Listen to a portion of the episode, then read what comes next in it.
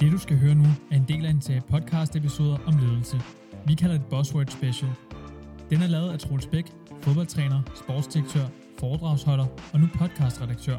Afsnittet her er kommet til verden i samarbejde med Smart Academy. Smart Academy er navnet på efteruddannelsestilbudene på Erhvervsakademi Sydvest i Esbjerg og Sønderborg. Serien bliver udgivet eksklusivt på smartacademy.dk, inden den senere kommer hos podcastmediet Mediano.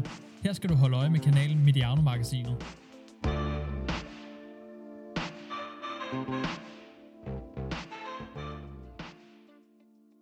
Jeg sidder nu her øh, i MB's medfører for Smart Academy og kigger ud over vandet, og føler, jeg føler mig virkelig privilegeret over at sidde i, i hjemmet hos dig, Mads Nipper. Og jeg ved ikke, hvor tit du sådan tillader folk, der kommer med mikrofoner for munden ind i dit hjem, men jeg føler mig privilegeret over at sidde her, hvor, hvor du huserer, når du ikke er på arbejde.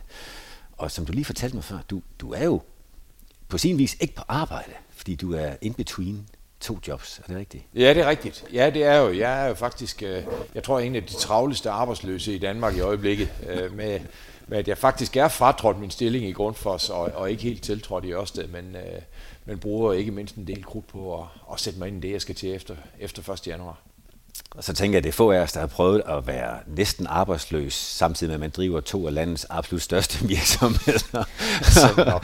men, men det, jeg har på dagsordenen, når jeg snakker om dig, udover alt det andet spændende, du kan komme øh, også til gode med, så, så er det primært det at skulle starte i ny lederfunktion. Og mm. det har du jo gjort, som du lige korrigerede mig, inden vi gik i gang her, hvor jeg sagde, at ah, det, det, de 23 år i Lego, hvornår oplevede det som en ny lederfunktion? Og så gjorde du dig præcis ved at sige, det er jo hver gang, man får en ny stilling. Og det gjorde du dog en del gange i, i Lego. Og, og de CV ud over de 23 år, hvor du blandt andet jo var med i det turnaround, der gjorde, at Lego nu er igen en voldsom profitskabende virksomhed, øh, så har du så også været med til noget, der igen jeg ved ikke om turnaround er det rigtige udtryk, men i hvert fald at forvente en, en, øh, skal vi sige, en hel økonomi i øh, en af Dan, dansk erhvervslivets helt store succeshistorier, nemlig i Grundfos. Og øh, der har du været i knap syv år. Ja, seks og et halvt års tid er det blevet til. Ja. Og så starter du 1. januar formelt hos Ørsted, mm. lidt længere ned af, af den østjyske kyst her, hvor vi sidder. Hvordan, hvilke tanker gør du dig egentlig om, når du træder også formelt ind i det der, hvis nok er i øvrigt er Danmarks næsten mest værdifulde virksomhed, som jeg har slået op til med en estimeret værdi på 300 en hel masse 80 millioner, milliarder undskyld, kroner. Ja, det nærmer sig nærmest, det, er jo, det nærmer sig snart 500, og det er, jo, det er jo så mange penge, at uh, det er svært for de fleste at forholde os til. Ja. Men altså, der er jo mange tanker, Troels. Altså, det, det er jo et, uh, det, det, det er både enormt uh, angstfremkaldende og enormt forfriskende at skulle i gang med noget, man ingenting ved om. Øh, og, øh, og det er jo bogstaveligt talt tilfælde. Jeg ved jo ingenting om vedvarende energi. Altså jeg, jeg skulle nærmest læse op på, hvordan elektromagnetisme det virker, og jeg ved ingenting om at opføre, om at opføre vindmølleparker eller grøn hydrogen osv. Men, men det var nøjagtigt det samme, der skete for, for syv år siden, da, da jeg talte om at træde til i Grundfos. Der, der havde jeg jo været i en branche hele mit liv. Øh, jeg vidste rigtig meget om legetøj og børns leg og detailhandel og alt muligt andet. Jeg anede ingenting omkring pumper teknologi, hydraulik, kunder, eller for den sags skyld kulturen i den virksomhed, jeg kom til. Og det er, øh, og, og, og det, det, det, det var øh, noget, jeg, jeg tænkte rigtig meget over, før jeg skulle til Grundfos. Øh, og, og det gik jo egentlig fint. Øh, og, og, og det er det, der udover at, at det er gået fornuftigt i virksomheden, så må jeg så sige, altså det, det faktum, at det er, at, at når man sidder et sted og har været der længe, så, så det her med at komme, at komme til at sige, jamen, du, jeg anede ikke, at jeg faktisk havde meget mere kapacitet i mig, end jeg, end jeg troede.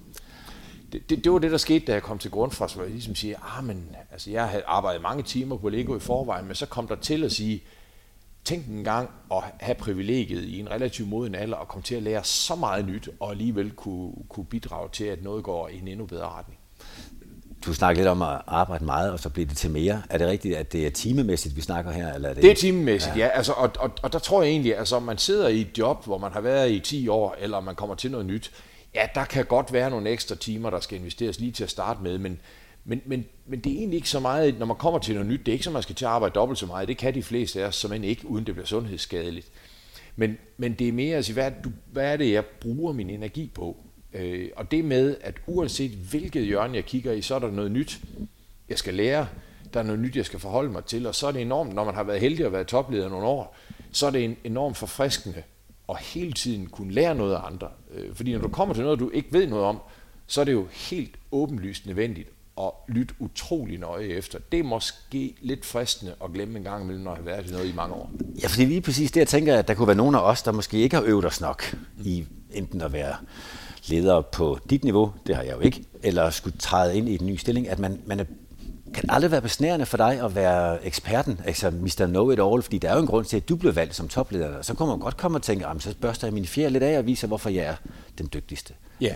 Men alligevel er du nu vise i det øh, skal vi sige, fagområde, du kommer ind i. Ja, og det er jo et af de helt store dilemmaer ved at træde til som, som leder på højt niveau i en ny organisation, fordi man er jo blevet ansat af en årsag, og det er jo fordi, de siger, at du skal komme med noget. Øh, og, og, og det er jo hverken den rigtige løsning at gå rundt et helt år kun at lytte, og ikke bidrage med noget som helst andet end at lytte. Men det er jo heller ikke løsningen at komme ind fra, fra første dag og sige, nu skal I høre, jeg har været en relativt succesfuld erhvervsleder, så nu skal jeg nok fortælle jer, hvordan I skal gøre. I øvrigt i nogle omgivelser, som ingenting ved om. Det vil være forfærdeligt arrogant og i øvrigt forfærdeligt risikabelt for virksomheden. Så, så det, der er kunsten, det er jo at, at, at lytte. Det skal man i øvrigt aldrig stoppe med. Men i starten lyt rigtig, rigtig meget men at være meget varsom og meget opmærksom på at sige, hvor er det, jeg faktisk lige fra dag et kan give noget tilbage, som, som hjælper fra starten på at sætte noget retning, eller korrigere nogle ting, eller, eller måske øh, give noget energi, hvor der har været brug for det. Når, når så du kommer ind i den nye virksomhed, og vil gerne være lyttende, og der er en masse øjne, der samtidig hviler på dig, eller ører, der gerne vil høre, hvad du kan sætte i gang. Altså, hvor bevidst er du om, at øh, den retning, du måske kun, kun antyder de første, om det er 100 dage, som er ligesom det, det magiske begreb, eller hvor lang tid det nu er, det, det bliver pludselig det, som alle de håber, eller forventer, så bliver retningen for alt, hvad du siger fremover. Hvordan er det? Jamen det, det, er, det, det er et super godt spørgsmål, fordi det er meget, meget vigtigt at være, at være klar i spyttet, når man taler med mennesker. For man taler, altså, jeg er allerede godt i gang med at tale med masser af Ørsted-folk. Mm. Og det er jo super vigtigt at sige, det her, det er ikke noget, jeg ønsker, vi skal gøre, eller beder nogen om at gøre det er et perspektiv på, hvad der har været min erfaring hidtil. Men man er nødt til at sætte ord på det. For ellers så kan det jo godt være, at den organisation, der ligesom siger, nu kommer jeg med et perspektiv, og så sidder de og oversætter og siger, nå for søren, jamen så betyder det, at han vil have, at vi skal gøre sådan, så det må vi hellere gøre. Men jeg ved jo ikke endnu på det tidspunkt, jeg aner ikke, om det, jeg kommer med, er en bedre eller en dårligere løsning, end det, de har gang i i forvejen. Så derfor det her med at være meget eksplicit, og det gælder ikke mindst, når det er en global virksomhed, der også har, der også har, har kolleger fra andre lande, fordi der er det jo ofte i meget højere grad end i Danmark, der er det, det som topchefen siger, det er lov, det gør man bare, nærmest uden at tænke over det, hvor i Danmark, der har vi sådan lidt mere kultur for at sige, ja, det kan godt være, han siger det, men skulle vi nu ikke lige øh, filtrere det lidt? Hvor meget betyder det for dig så, når du træder ind øh, formelt 1. januar det er at du har Henrik Poulsen. I kender jo hinanden i øvrigt fra, fra Lego-tiden. Ja, det gør vi. Vi er også personlige venner, så det er... Ah, så, så det foregår både på formelle og uformelle linjer. For Men hele den måned, jeg kan se, der er sat af til, at uh, Henrik Poulsen også kommer til at være bisider for dig. Mm. Uh, jeg kan så regne ud, at den er allerede begyndt, og nu strækker sig, strækker sig sikkert lidt længere ud, ud over den måned også. Hvor meget betyder det for dig, at have ham siddende og være... Uh, retnings... Øh, nej, ikke retningsgiver, men, men skal vi sige kontrollant på det, du sætter i sving? Jamen, jeg tror ikke, jeg, jeg opfatter slet ikke Henrik som kontrollant. Nej. Altså, jeg, jeg vil referere til en bestyrelse, og jeg vil, jeg vil lytte til alle Henriks gode råd, det har jeg begyndt på, lige så vel som jeg vil lytte på min, min, min kommende direktionskollega. Altså Henrik har ikke på den måde ikke nogen, altså han, han vil være, et, øh, han vil være en, en kæmpe ressource for mig, øh, og er det allerede. Og, og, og han har jo sammen med den øvrige øh, nuværende direktion gjort det fænomenalt godt. Så det at komme til en virksomhed, som er så veldrevet, det gør det jo bare endnu vigtigere for mig at finde ud af at sige, hvor er det, jeg for Guds skyld skal blive ved med at køre den linje, som kører nu, og hvor er det, jeg kan få øje på noget i dialog med andre mennesker, som måske kan styrke virksomheden yderligere de kommende fem år. Mm. Så den faglighed, du tager med ind, det har ikke noget med hverken øh, øh vindmølleparker eller, eller øh, elektromagnetisme at gøre, men det har helt sikkert noget at gøre med den ledelse, som, som du har bedrevet Præcis. i nu snart 30 år. Hvordan, hvilke overvejelser gør du dig om, hvordan det kan sættes i spil øh, tidligt? Fordi ja. man skal jo helst ikke gå og være ledelsesfri, kan man sige, som Nej. stor virksomhed. Det er helt rigtigt. Altså, det, det, det er klart, at der skal være, altså det øjeblik, hvor Henrik han stempler ud, så skal de vide, at der er en ny sheriff i byen. Og det er ikke sagt sådan meget diktatorisk eller hierarkisk, men så skal de vide, at der er en ny, der sidder, der sidder for enden af bordet. Og, og det, det skal man gøre autentisk over for den person, man er. Øh, og, og jeg er ikke særlig hverken hierarkisk eller, eller diktatorisk. Dermed heller ikke være sagt, at Henrik på nogen måde er det. Men, men, men Henrik og jeg er til trods for tårnhøj gensidig professionel respekt, så er vi også meget forskellige ledere. Altså jeg er, jeg er nok mere ekstrovert. Jeg bruger nok mere tid med mange mennesker. Jeg tænker personligt bedst i dialog med andre mennesker. Og det er en, det er en anderledes stil end den, Henrik, den måde, Henrik har bedrevet ledelse på. Så en af de allervigtigste ting, jeg kan gøre, det er at sige, hvordan kan jeg bringe det i spil, som jeg har haft en vis succes med hidtil, som jeg står for som leder, samtidig med, at, at det ikke bliver så ødelæggende for, han er sagt, eller at det er noget, der, der, der på en dårlig måde øh, fjerner noget af det, som, som er gjort fantastisk, og som vi for guds skyld skal blive ved med. Når du så træder ind i sådan en voldsomt stor organisation, og jeg har ikke engang helt overblik over, hvorvidt der var flere i Grundfos ansat, end der er i, øh, fordi der kan jeg regne ud i, hvad, hvad i nærheden af 20.000 snart. Ja, der er flere i Grundfos, end ja. også det. Øh, men hvor mange opfatter I, udover at du selvfølgelig er referencepunkt for samtlige ansatte, selvom de måske befinder sig på den anden side af jordkloden, hvor meget opfatter du dig som leder for, for hele øh, den store stab af kollegaer, eller er du det primært for dem, som du har umiddelbart nærhed til? Hvordan oplever du det? Jamen, det er også, også et super godt spørgsmål, for det er nøjagtigt lige så vigtigt for mig. Det er faktisk kritisk vigtigt for mig at være lige så meget leder for dem, der sidder i Taiwan eller i USA, som det er dem, der sidder i Gentofte eller Skærbæk. Det, det, er, øh, det, det, går ikke som global virksomhed at ligesom være danskernes leder, og så være sådan en eller anden fjern øh, figur for alle de andre det er, det, det, det er utrolig vigtigt for mig at komme ind og være en samlende figur. Det betyder også, at specielt i, i de her tider, hvor vi jo ikke kan rejse, så er det ekstra vigtigt for mig at investere tid og opmærksomhed og sådan en eller anden form for professionel kærlighed i de mennesker, som jeg ikke har mulighed for at omgås fysisk. Hvis jeg sammenligner, og det skal jeg nok være meget varsom med, men, men bare for at sætte mig lidt ind i, i, hvad det er for en opgave, du står med. Jeg, når jeg har haft lederskab, så er det typisk været for cirka så mange, som man kan se i et lokale. Altså det kan være i, i i videst omfang cirka 100 mennesker, der var ansat i Brøndby.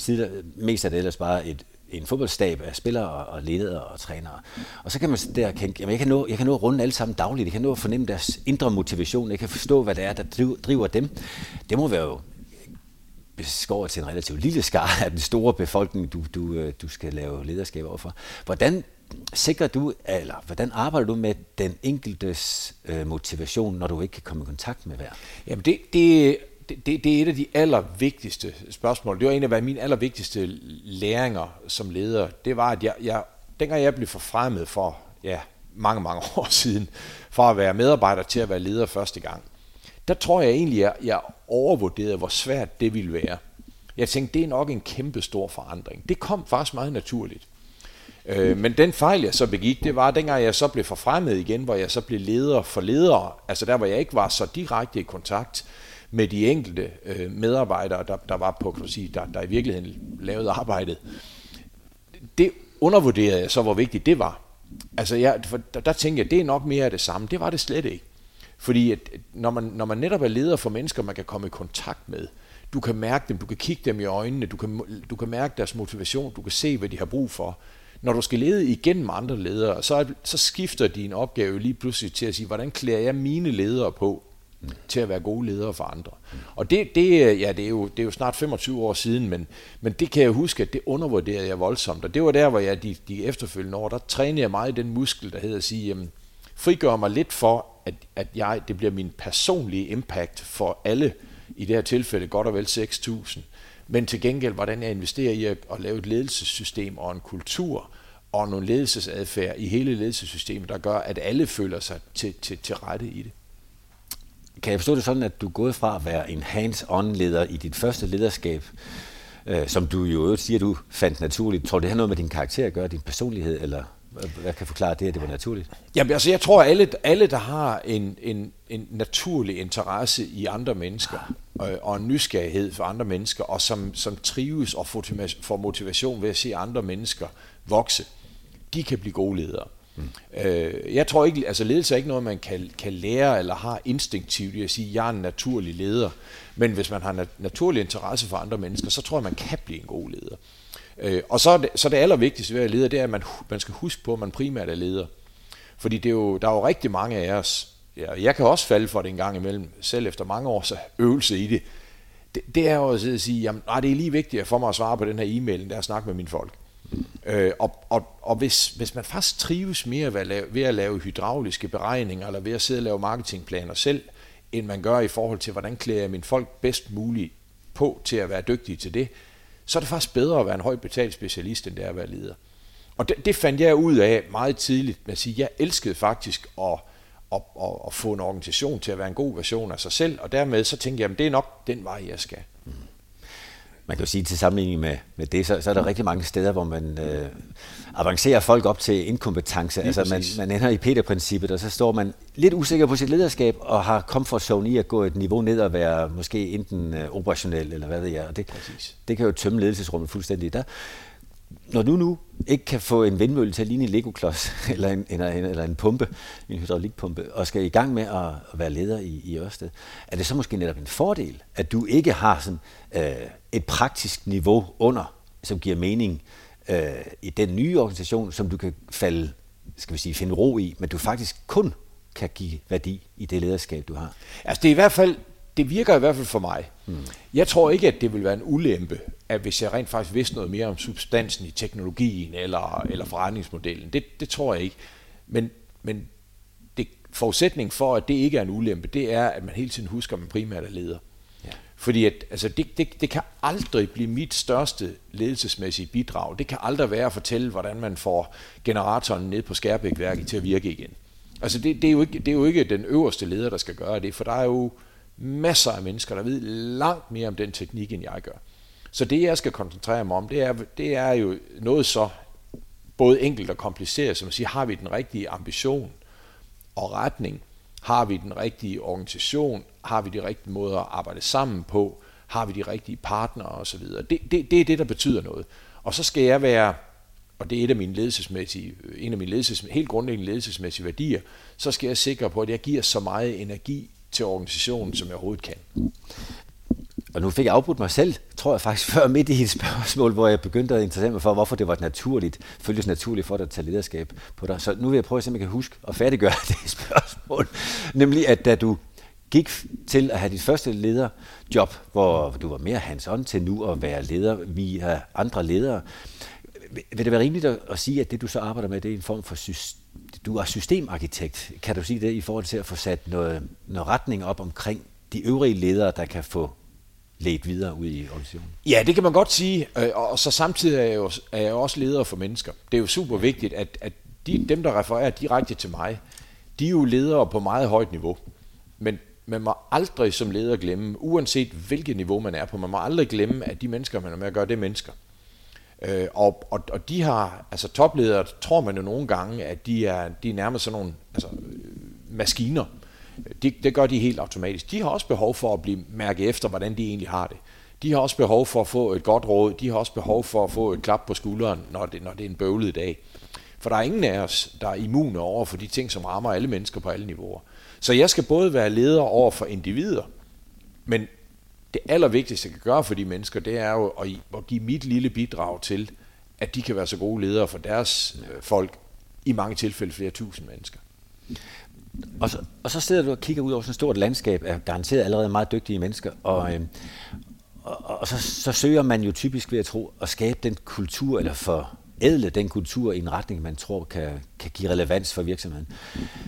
Jeg er kommet i tvivl, altså jeg ved ikke, om det er rimeligt, Mads, men jeg er kommet i tvivl om den der snak om kultur. Jeg har selv i mange år gået rundt og underholdt om, hvordan man kan skabe kultur, men jeg er ved at være bange for, om det er som de fleste steder mere udtryk for, hvilke ledende karakterer der er, og det er dem, der er med til at definere kulturen. Så når man stopper lige om lidt du, eller allerede nu du i Grundfos, så vil man kigge på en kultur og se, hvor meget af det var kulturen, eller hvor meget var bundet op på den karakter, som Mads han bidrog med. Hvordan tænker du om det, når du træder ind i et nyt sted, og der både er kultur, men du kommer med en anden karakter? Jamen, der er, en, der er kultur alle steder. Ja. Og kultur, det oversætter jeg sådan til almindelig dans med at sige, det er måden, vi gør tingene på her. Ja. Og, og, og, og så længe man husker, at det er det, kultur er, så, så, så afdramatiserer man det også en lille smule. Og så skal man som leder selvfølgelig gøre op med at sige, hvem er de allervigtigste mennesker, der kan være med til at forme, hvordan vi gør tingene på, på den måde, hvordan vi nu gør det på tingene på her. Det er lederne. Og CEO'en er den, der har måske allerstørst indflydelse på, hvordan man gør tingene. Så altså, man kan ikke komme ind og diktere en kulturændring, men man kan sætte det i system. Ja. Men man kan også komme ind og ødelægge en kultur, men man kan også gøre en kultur bedre. Så altså systematisk arbejde med en kultur er en af toplederens allervigtigste opgaver. Men, og, og derfor kan man sige, at, at der er et element af, at toplederen skal, ikke bare kan, men skal påvirke kulturen, hvad enten det er meget eller lidt. Og noget af det vil blive i organisationen, og noget af det vil forsvinde, når toplederen øh, forsvinder. Så, så et andet postulat, skal jeg høre, hvad du mener om det, jeg har gjort mig til talsmand for rigtig mange gange, jeg tror, det er ikke noget, jeg har fundet, det er, at al ledelse skal vurderes på, hvad der sker, når man ikke er til stede. Det er helt rigtigt. Øhm, så, så den selvledelse, man egentlig går mm. som topchef og skal skabe forudsætninger for, det er jo det, der egentlig er barometer på den ledelse, du bedriver. Lige præcis. Altså det er både det, altså hvis det her med netop at klæde sine ledere på til at være dygtige ledere, det betyder altså det, præcis det her citat med at sige, ledelse, det er det, der sker, når du ikke er der. Mm.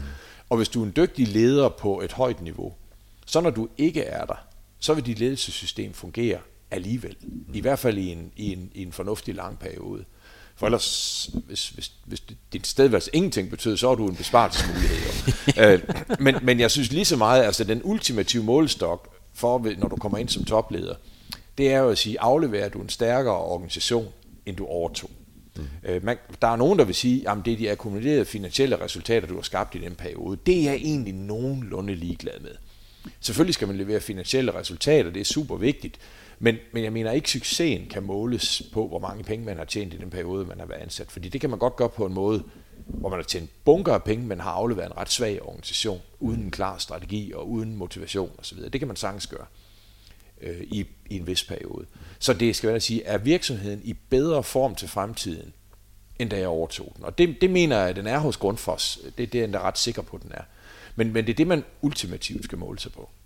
Hvordan delen vurderer du egentlig øh, jeg spørger, er inderlig interesse, for jeg synes, det er så svært. Mm. Hvordan, hvad pejler du efter, når du skal kigge ind i fremtiden, hvis vi nu lever i så dynamisk en nutid, så, så det kan være vanskeligt at spå om, hvilken drejning, hvilken øh, eksponentiel udvikling, der kommer til at ligge foran ja. os i den fremtid, du skal planlægge virksomheden ind i. Hvad, hvad pejler du efter, hvis du pejler? Jamen altså, jeg tror, det allervigtigste i en virksomhed, det er at være klar på, hvad er virksomhedens formål. Mm. Øh, og, og, og virksomhedens formål må jo aldrig være, for eksempel i Grundfos, hele tiden at lave bedre pumper. For hvad nu hvis, at øh, det ikke er selve pumpen, der er det vigtigste i forhold til vores formål?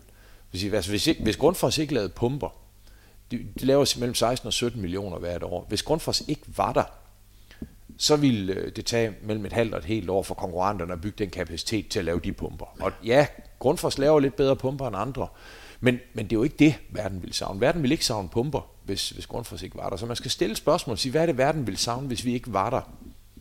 Øh, og hvis man har svært ved at svare på det spørgsmål, eller ikke kan, så har man et mere grundlæggende problem. Mm. Men, men, men i, altså, i tilfælde af Grundfos, der er det jo, altså det er dem, der laver pionerløsninger på, ver, på verdens vand- og klimaudfordringer. Og hvis, hvis man er klar over det, så er det jo også en ledestjerne for alt det, man gør. Alt det, man gør. Og, og tilsvarende, så har, så har Ørsted et formål, der hedder at sige, vi, vi, vi stræber mod en verden, der, der, der er fuldstændig på grøn energi. Så har man en, en ledestjerne, og når man, når man konsistent arbejder hen mod det, så er man faktisk også mere teknologiuafhængig. Så det vil sige, hvis det rigtige det er så at kaste sig over mere digitale løsninger, hvis det rigtige det er at kaste sig over Kina i stedet for USA, eller whatever, altså store, store forretningsmæssige beslutninger. Men hvis du er drevet af et klart formål, så er du også alt andet lige mere, mere øh, fleksibel eller agil, som det hedder på nudansk i din, i din planlægning. Og, og det, undskyld på det meget lange svar, men et af mine helt fundamentale ledelsesmæssige principper, det er, man må aldrig forveksle en strategi og en plan. Mm. Det er to vidt forskellige ting. Altså en strategi, det er det, der er robust over for selv, hvis du får en global covid-19-pandemi, eller dine to vigtigste konkurrenter fusionerer, eller der sker noget andet meget dramatisk, så skal din strategi stadigvæk holde. Men du skal markant ændre din plan. Ja. Øh, og og det, det, det, er det, jeg, det er der, hvor jeg mener, at Grundfos har en utrolig robust strategi og har øvet sig i at ændre planer. Øh, og det øh, sammen med ledelseskvaliteten i virksomheden, det, det er nogle af de målestokke, jeg har brugt for at sige, er virksomheden i bedre form, end, end da jeg kom til den for knap syv år siden?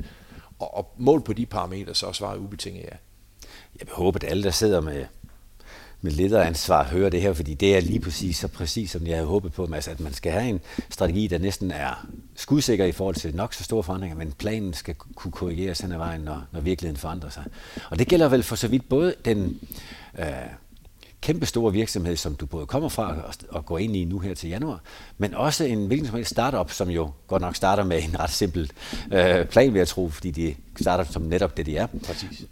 Savner du nogle gange i de store virksomheder den energi og den superagilitet, der ligger i, i startups og, og de folk, der sidder der og tænker helt ud af boksen? Ja, jeg savner den ikke, men jeg synes godt, vi kunne tage mere inspiration fra den. Mm. Fordi det er jo, det er jo super vigtigt. Altså det, det, som startup-virksomheden har, som, som er fantastiske aktiver, de har ofte en, en sådan helt urkraft-lignende passion. Ja. Øh, de har nysgerrighed, og så har de en, en idé, som de hele tiden er forberedt på at korrigere på, fordi de ved godt, at de ikke har det rigtige svar lige fra start. Og, og, og det er egentlig enormt grundlæggende egenskaber. Det at være nysgerrig, omstillingsparat og have en urkraft, øh, det, er jo en virks, det er jo noget, som alle virksomheder, alle størrelser og alle aldre burde, burde drømme om. Men det er klart, at du, du kan ikke med en virksomhed med, med, med 65 milliarder i omsætning og tusindvis af ansatte, der kan du ikke være lige så hurtig til at omstille dig som en startup virksomhed, men du kan tilstræbe og lære af de egenskaber, som startup virksomheden har. Og, og for at lige at knytte bro til, til lige præcis det, at du henvender dig til hvad enten det er startups eller store, store øh, internationale virksomheder, så tænker jeg, at det er lige her, at det giver mening at give plads til, til en, et budskab fra Smart Academy. Hvis du ikke kender Smart Academy, så kommer du til det i de kommende år.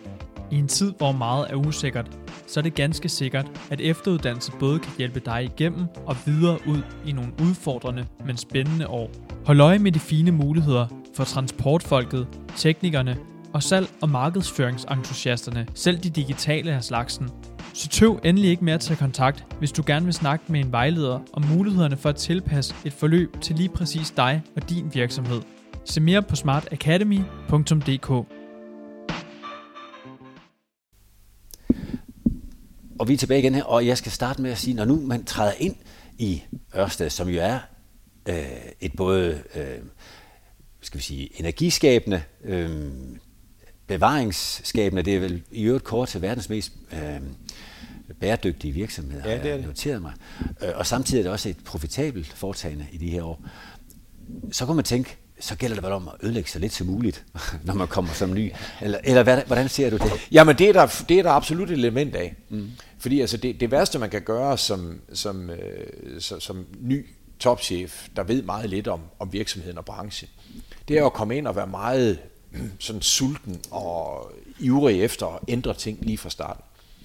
Øh, men, men det, er, det er næsten lige så stor en risiko at komme ind og sige, det her det fungerer jo fantastisk, så der må jeg, derfor må jeg hellere lade være med at ændre noget. Mm. Altså selv utrolig veldrevne virksomheder, som Ørsted jo er, der er der givetvis nogle ting, typisk inspireret af, hvad der sker ude omkring. Altså enten teknologien, lovgivningen, konkurrenterne, de ændrer sig hele tiden. Og det vil sige, de, de, de, de øh, omgivelser, man opererer i, der skal man jo hele tiden stille spørgsmål ved at sige, det, det der har bragt os hertil, er det det samme, der skal bringe os succesfuldt ind i fremtiden? Nogle gange er svaret, ja, 80%, keep, keep doing it. Og andre gange kan du sige, så er det, så er det, så er det altså, så skal du faktisk gå ind og det der på nudansk hedder disrupte dig selv. Ja. Det, altså, for dem, der har fulgt med i, i de her episoder af Smart Academies podcast, vil man vide, at Michael Trolle har været med i en tidligere udgave, hvor han blandt andet øh, repræsenterer det syn, som, som jo også i samarbejde med Jim Hamann Snabe øh, har fået navnet Dreams and Details, hvor det meget målrettet går på og også at disrupte sig selv ved at genopfinde sig selv fra en styrkeposition. Og det er jo lige præcis der, hvor, hvor du både efterlader grund for, træder ind i, i Ørsted. Det er en styrkeposition. Er det reelt din mulighed for at gå ind og, og faktisk disrupte med, med, med formål? Jamen altså, jeg tror, jeg tror, man skal hele tiden øh, stille spørgsmål og sige, skal vi disrupte os selv? Og jeg tror ikke, altså Ørsted har jo vel lavet en af de mest fundamentale, øh, han har sagt, forandringer i dansk erhvervslivs historie nogensinde, ved at gå fra at være en ren olie- og gasbaseret virksomhed, til lige om lidt at være øh, ren grøn energi og i øvrigt være profitabel, øh, langt mere profitabel med den nye forretningsområde. Så det er, det er noget, som stort set alle virksomheder i verden drømmer om. Så stor en disruption tror jeg ikke, vi kommer til at lave i min tid i Ørsted. Men der er jo, altså for eksempel på området øh, grøn hydrogen, hvor man siger, altså hvis vi kigger på det at skabe en bæredygtig verden og virkelig effektivt øh, bekæmpe klimaforandringerne, der er jo rigtig mange ting, der kan elektrificeres, altså lys, øh, bil, togtransport, øh, lavtemperaturprocesser i industrien, alt muligt. Det kan man sætte strøm til og lave strømmen grønt via vindmøller, solceller mm. eller på anden vis. Men der er mange andre ting, der er svære. Luftfarten. Du kan ikke lave elfly de næste mange år. Skibsfarten, når AP Møller de skal sejle. Øh, den tunge transport, når DSV kører lastbiler. Der skal man bruge flydende brændstof mange, mange år endnu. Og der er det jo så eksempel, det her med at kunne lave af elektricitet og kunne lave grøn hydrogen via elektrolyse, og så lave det til flydende brændstoffer. Det er ikke et marked, der eksisterer i dag.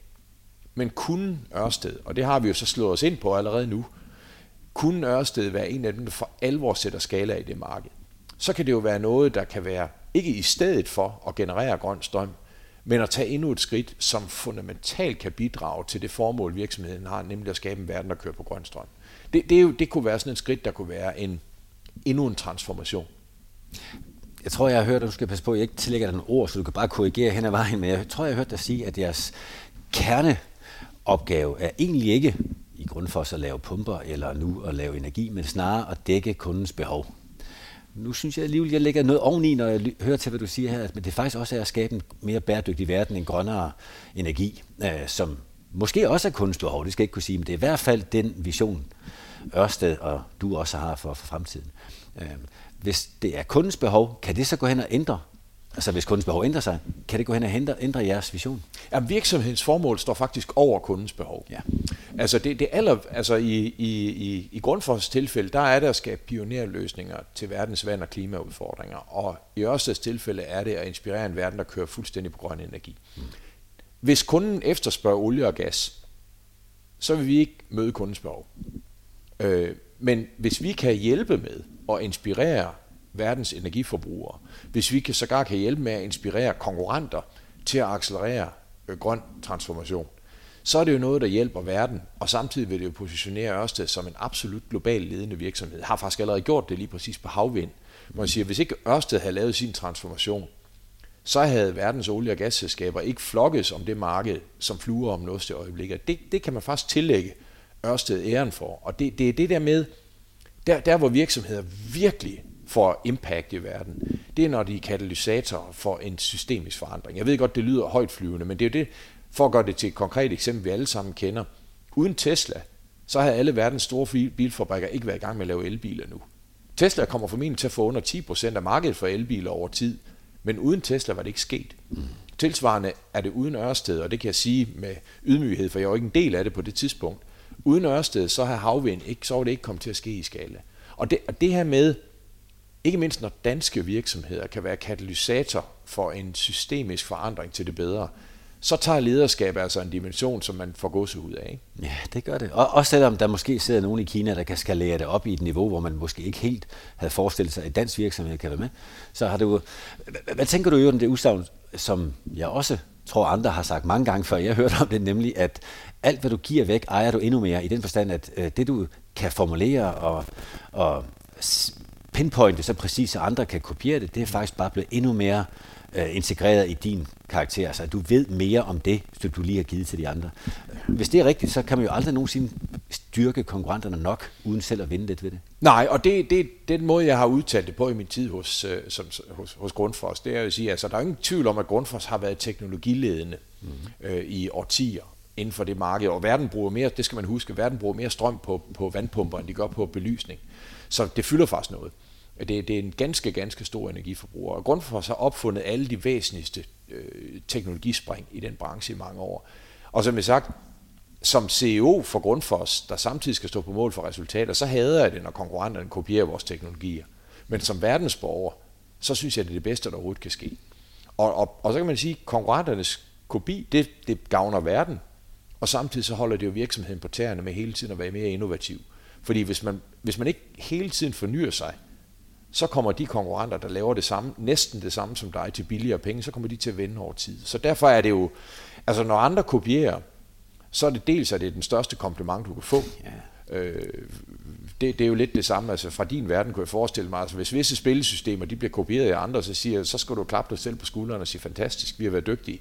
Nøjagtigt det samme er det på teknologi eller forretningsmodeller. Og det, jeg synes, jeg, nu kan det kun i den her øh, mund, som jeg har, øh, blive rigtigt i fodboldens verden, men det, jeg har lagt mærke til, det er, når man, når man så ser andre kopiere noget, man har gjort, så er det jo sjældent, at de har den fulde pakke af forståelsen, den dybe, dybe forståelse af, hvis det er et spilsystem, eller hvis det er et produkt, de har udviklet i Grundfos. Eller den kultur, der skal til for, at lige præcis det produkt faktisk løfter lige præcis. til sit maksimum. Så, så det er ikke så lige til at kopiere. Nej, det er det. Altså, jeg, jeg, en, en, en, en klog mand sagde engang til mig, at sige, altså, den, den mest geniale strategi, du kan lave, det er den, du kan glemme på et flysæde ved siden af CEO'en for din værste konkurrent, og han kan ikke bruge den til noget.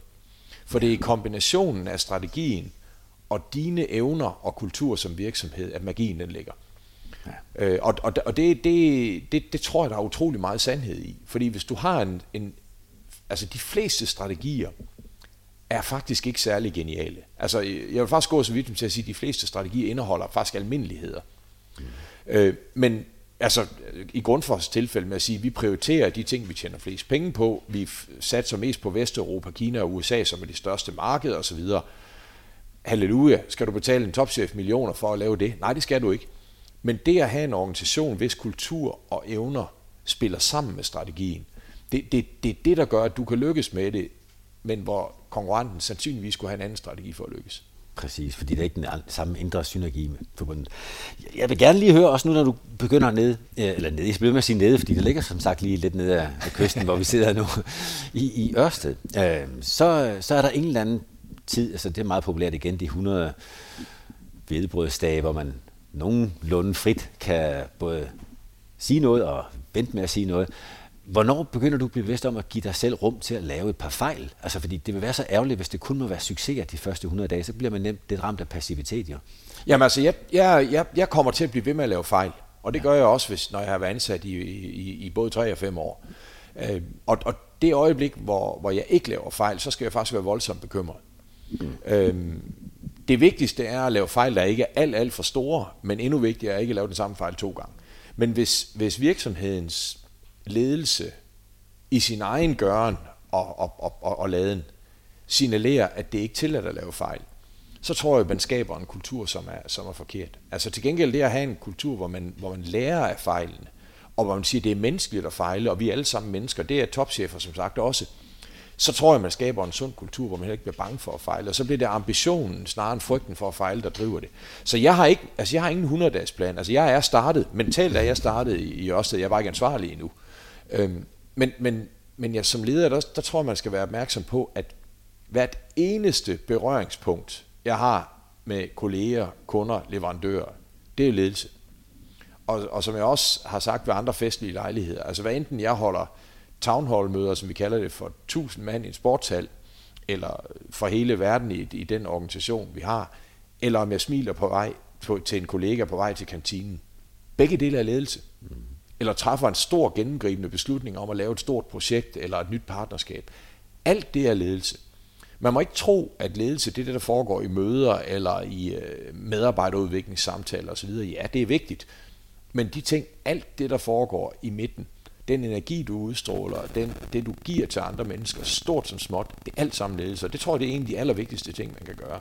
Og, og ja, der kommer jeg til at lave fejl, og ja, jeg kommer også til at stille dumme spørgsmål efter både, både 100 dage og 200 dage og 300 dage, men det kommer ikke til at stoppe med. Men tror du, der er en forskel på, hvor meget vægt der bliver lagt på, hvad du siger og hvad du gør de første, om så det er 100 eller i starten, i forhold til senere? Er det, ja, er det lidt mere det, det tror jeg, der vil være. Altså til at starte med, der vil folk jo øh, heldigvis øh, have en intuitiv forståelse af, at, at, at, at, at de er nødt til at fortælle mig noget, eller skal jeg give ret meget. Ja. Øhm, og efter et stykke tid, så vil det være, så vil det være mindre. Men så er det så super vigtigt at være som, som leder og blive ved med at stille spørgsmål. Fordi som vi snakkede om for lidt siden, altså det øjeblik, hvor, hvor man som leder opfatter sig selv mest som sådan et orakel, der bare skal øse ud af alle de genialiteter, man har i hovedet, så glemmer man at både lytte og stille spørgsmål, og, og så udvikler man sig ikke som leder. Og så får man formodentlig ikke skabt en kultur af innovation eller nytænkning på nogen, på nogen måde. Præcis jeg skal lige øh, være sikker på, at jeg ikke sidder her og har, voldført dig ud i et eller andet, når du, du selv skal beskrive din udsigt til de første jeg bliver ved med at sværme om de 100 dage, men altså til din indtræden og din start i Ørsted, er der så noget, du tænker er mere vigtigt, som vi ikke har berørt nu, end andet? Det er et meget bredt spørgsmål. Ja, det, det, det er et bredt spørgsmål. Altså, det, det, det vigtigste for mig, det er at ramme den, det er at ramme den rigtige balance øh, mellem, mellem ikke at, at ødelægge noget, men heller ikke lade den utrolig veldrevne virksomhed, han har sagt, aura pacificere mig, så vi ikke forandrer os til det bedre. Øh, det, det, det er det, jeg skal være mest opmærksom på at ramme den, ramme den rette balance i. De andre ting i, hvordan jeg træder ind, hvordan jeg øh, giver noget af mig selv, sådan at de, at de ikke bare har fået et nyt omvandrende visitkort, men at de føler, at det er en ny kollega i kød og blod, de har fået. Det tror jeg nok, jeg intuitivt skal finde ud af. Øhm, og jeg, jeg tror også, at de samtaler, jeg kan have, vil give noget til organisationen faktisk lige fra dag et. Men på de store linjer, der vil jeg øh, fra starten skulle være utrolig opmærksom på ikke bare at overføre erfaringer fra to andre store og succesfulde danske virksomheder til at sige, det er så nok også rigtigt at gøre her. Det bliver den allervigtigste balance for mig at ramme. Mads Nipper, du skal have utrolig mange tak for din, øh, for din indsigtsgivende deltagelse i det her program. Jeg håber, du får, og det gør jeg både for din og for vores andres skyld, også for en fantastisk oplevelse med at være i Ørsted. Vi skal lige huske på, at både du og jeg, vi ejer 51 procent, så vidt jeg ved. Er det ikke staten, der... der oh, 50,1 procent 50, så, så vi er majoritetsejere, det er rigtigt. tak skal du have. Og for jer, der har lyttet med, jeg håber, I følger med på Smart Academy. Der er mere på vej. Du har lyttet til Buzzword Special. Afsnittet her er kommet til verden i samarbejde med Smart Academy. Smart Academy er navnet på efteruddannelsestilbudene på Erhvervsakademiet Sydvest i Esbjerg og Sønderborg. Serien bliver udgivet eksklusivt på Smart Academy, inden den senere kommer hos podcastmediet Mediano, hvor du skal holde øje med kanalen Mediano-magasinet. Tak fordi du lyttede med.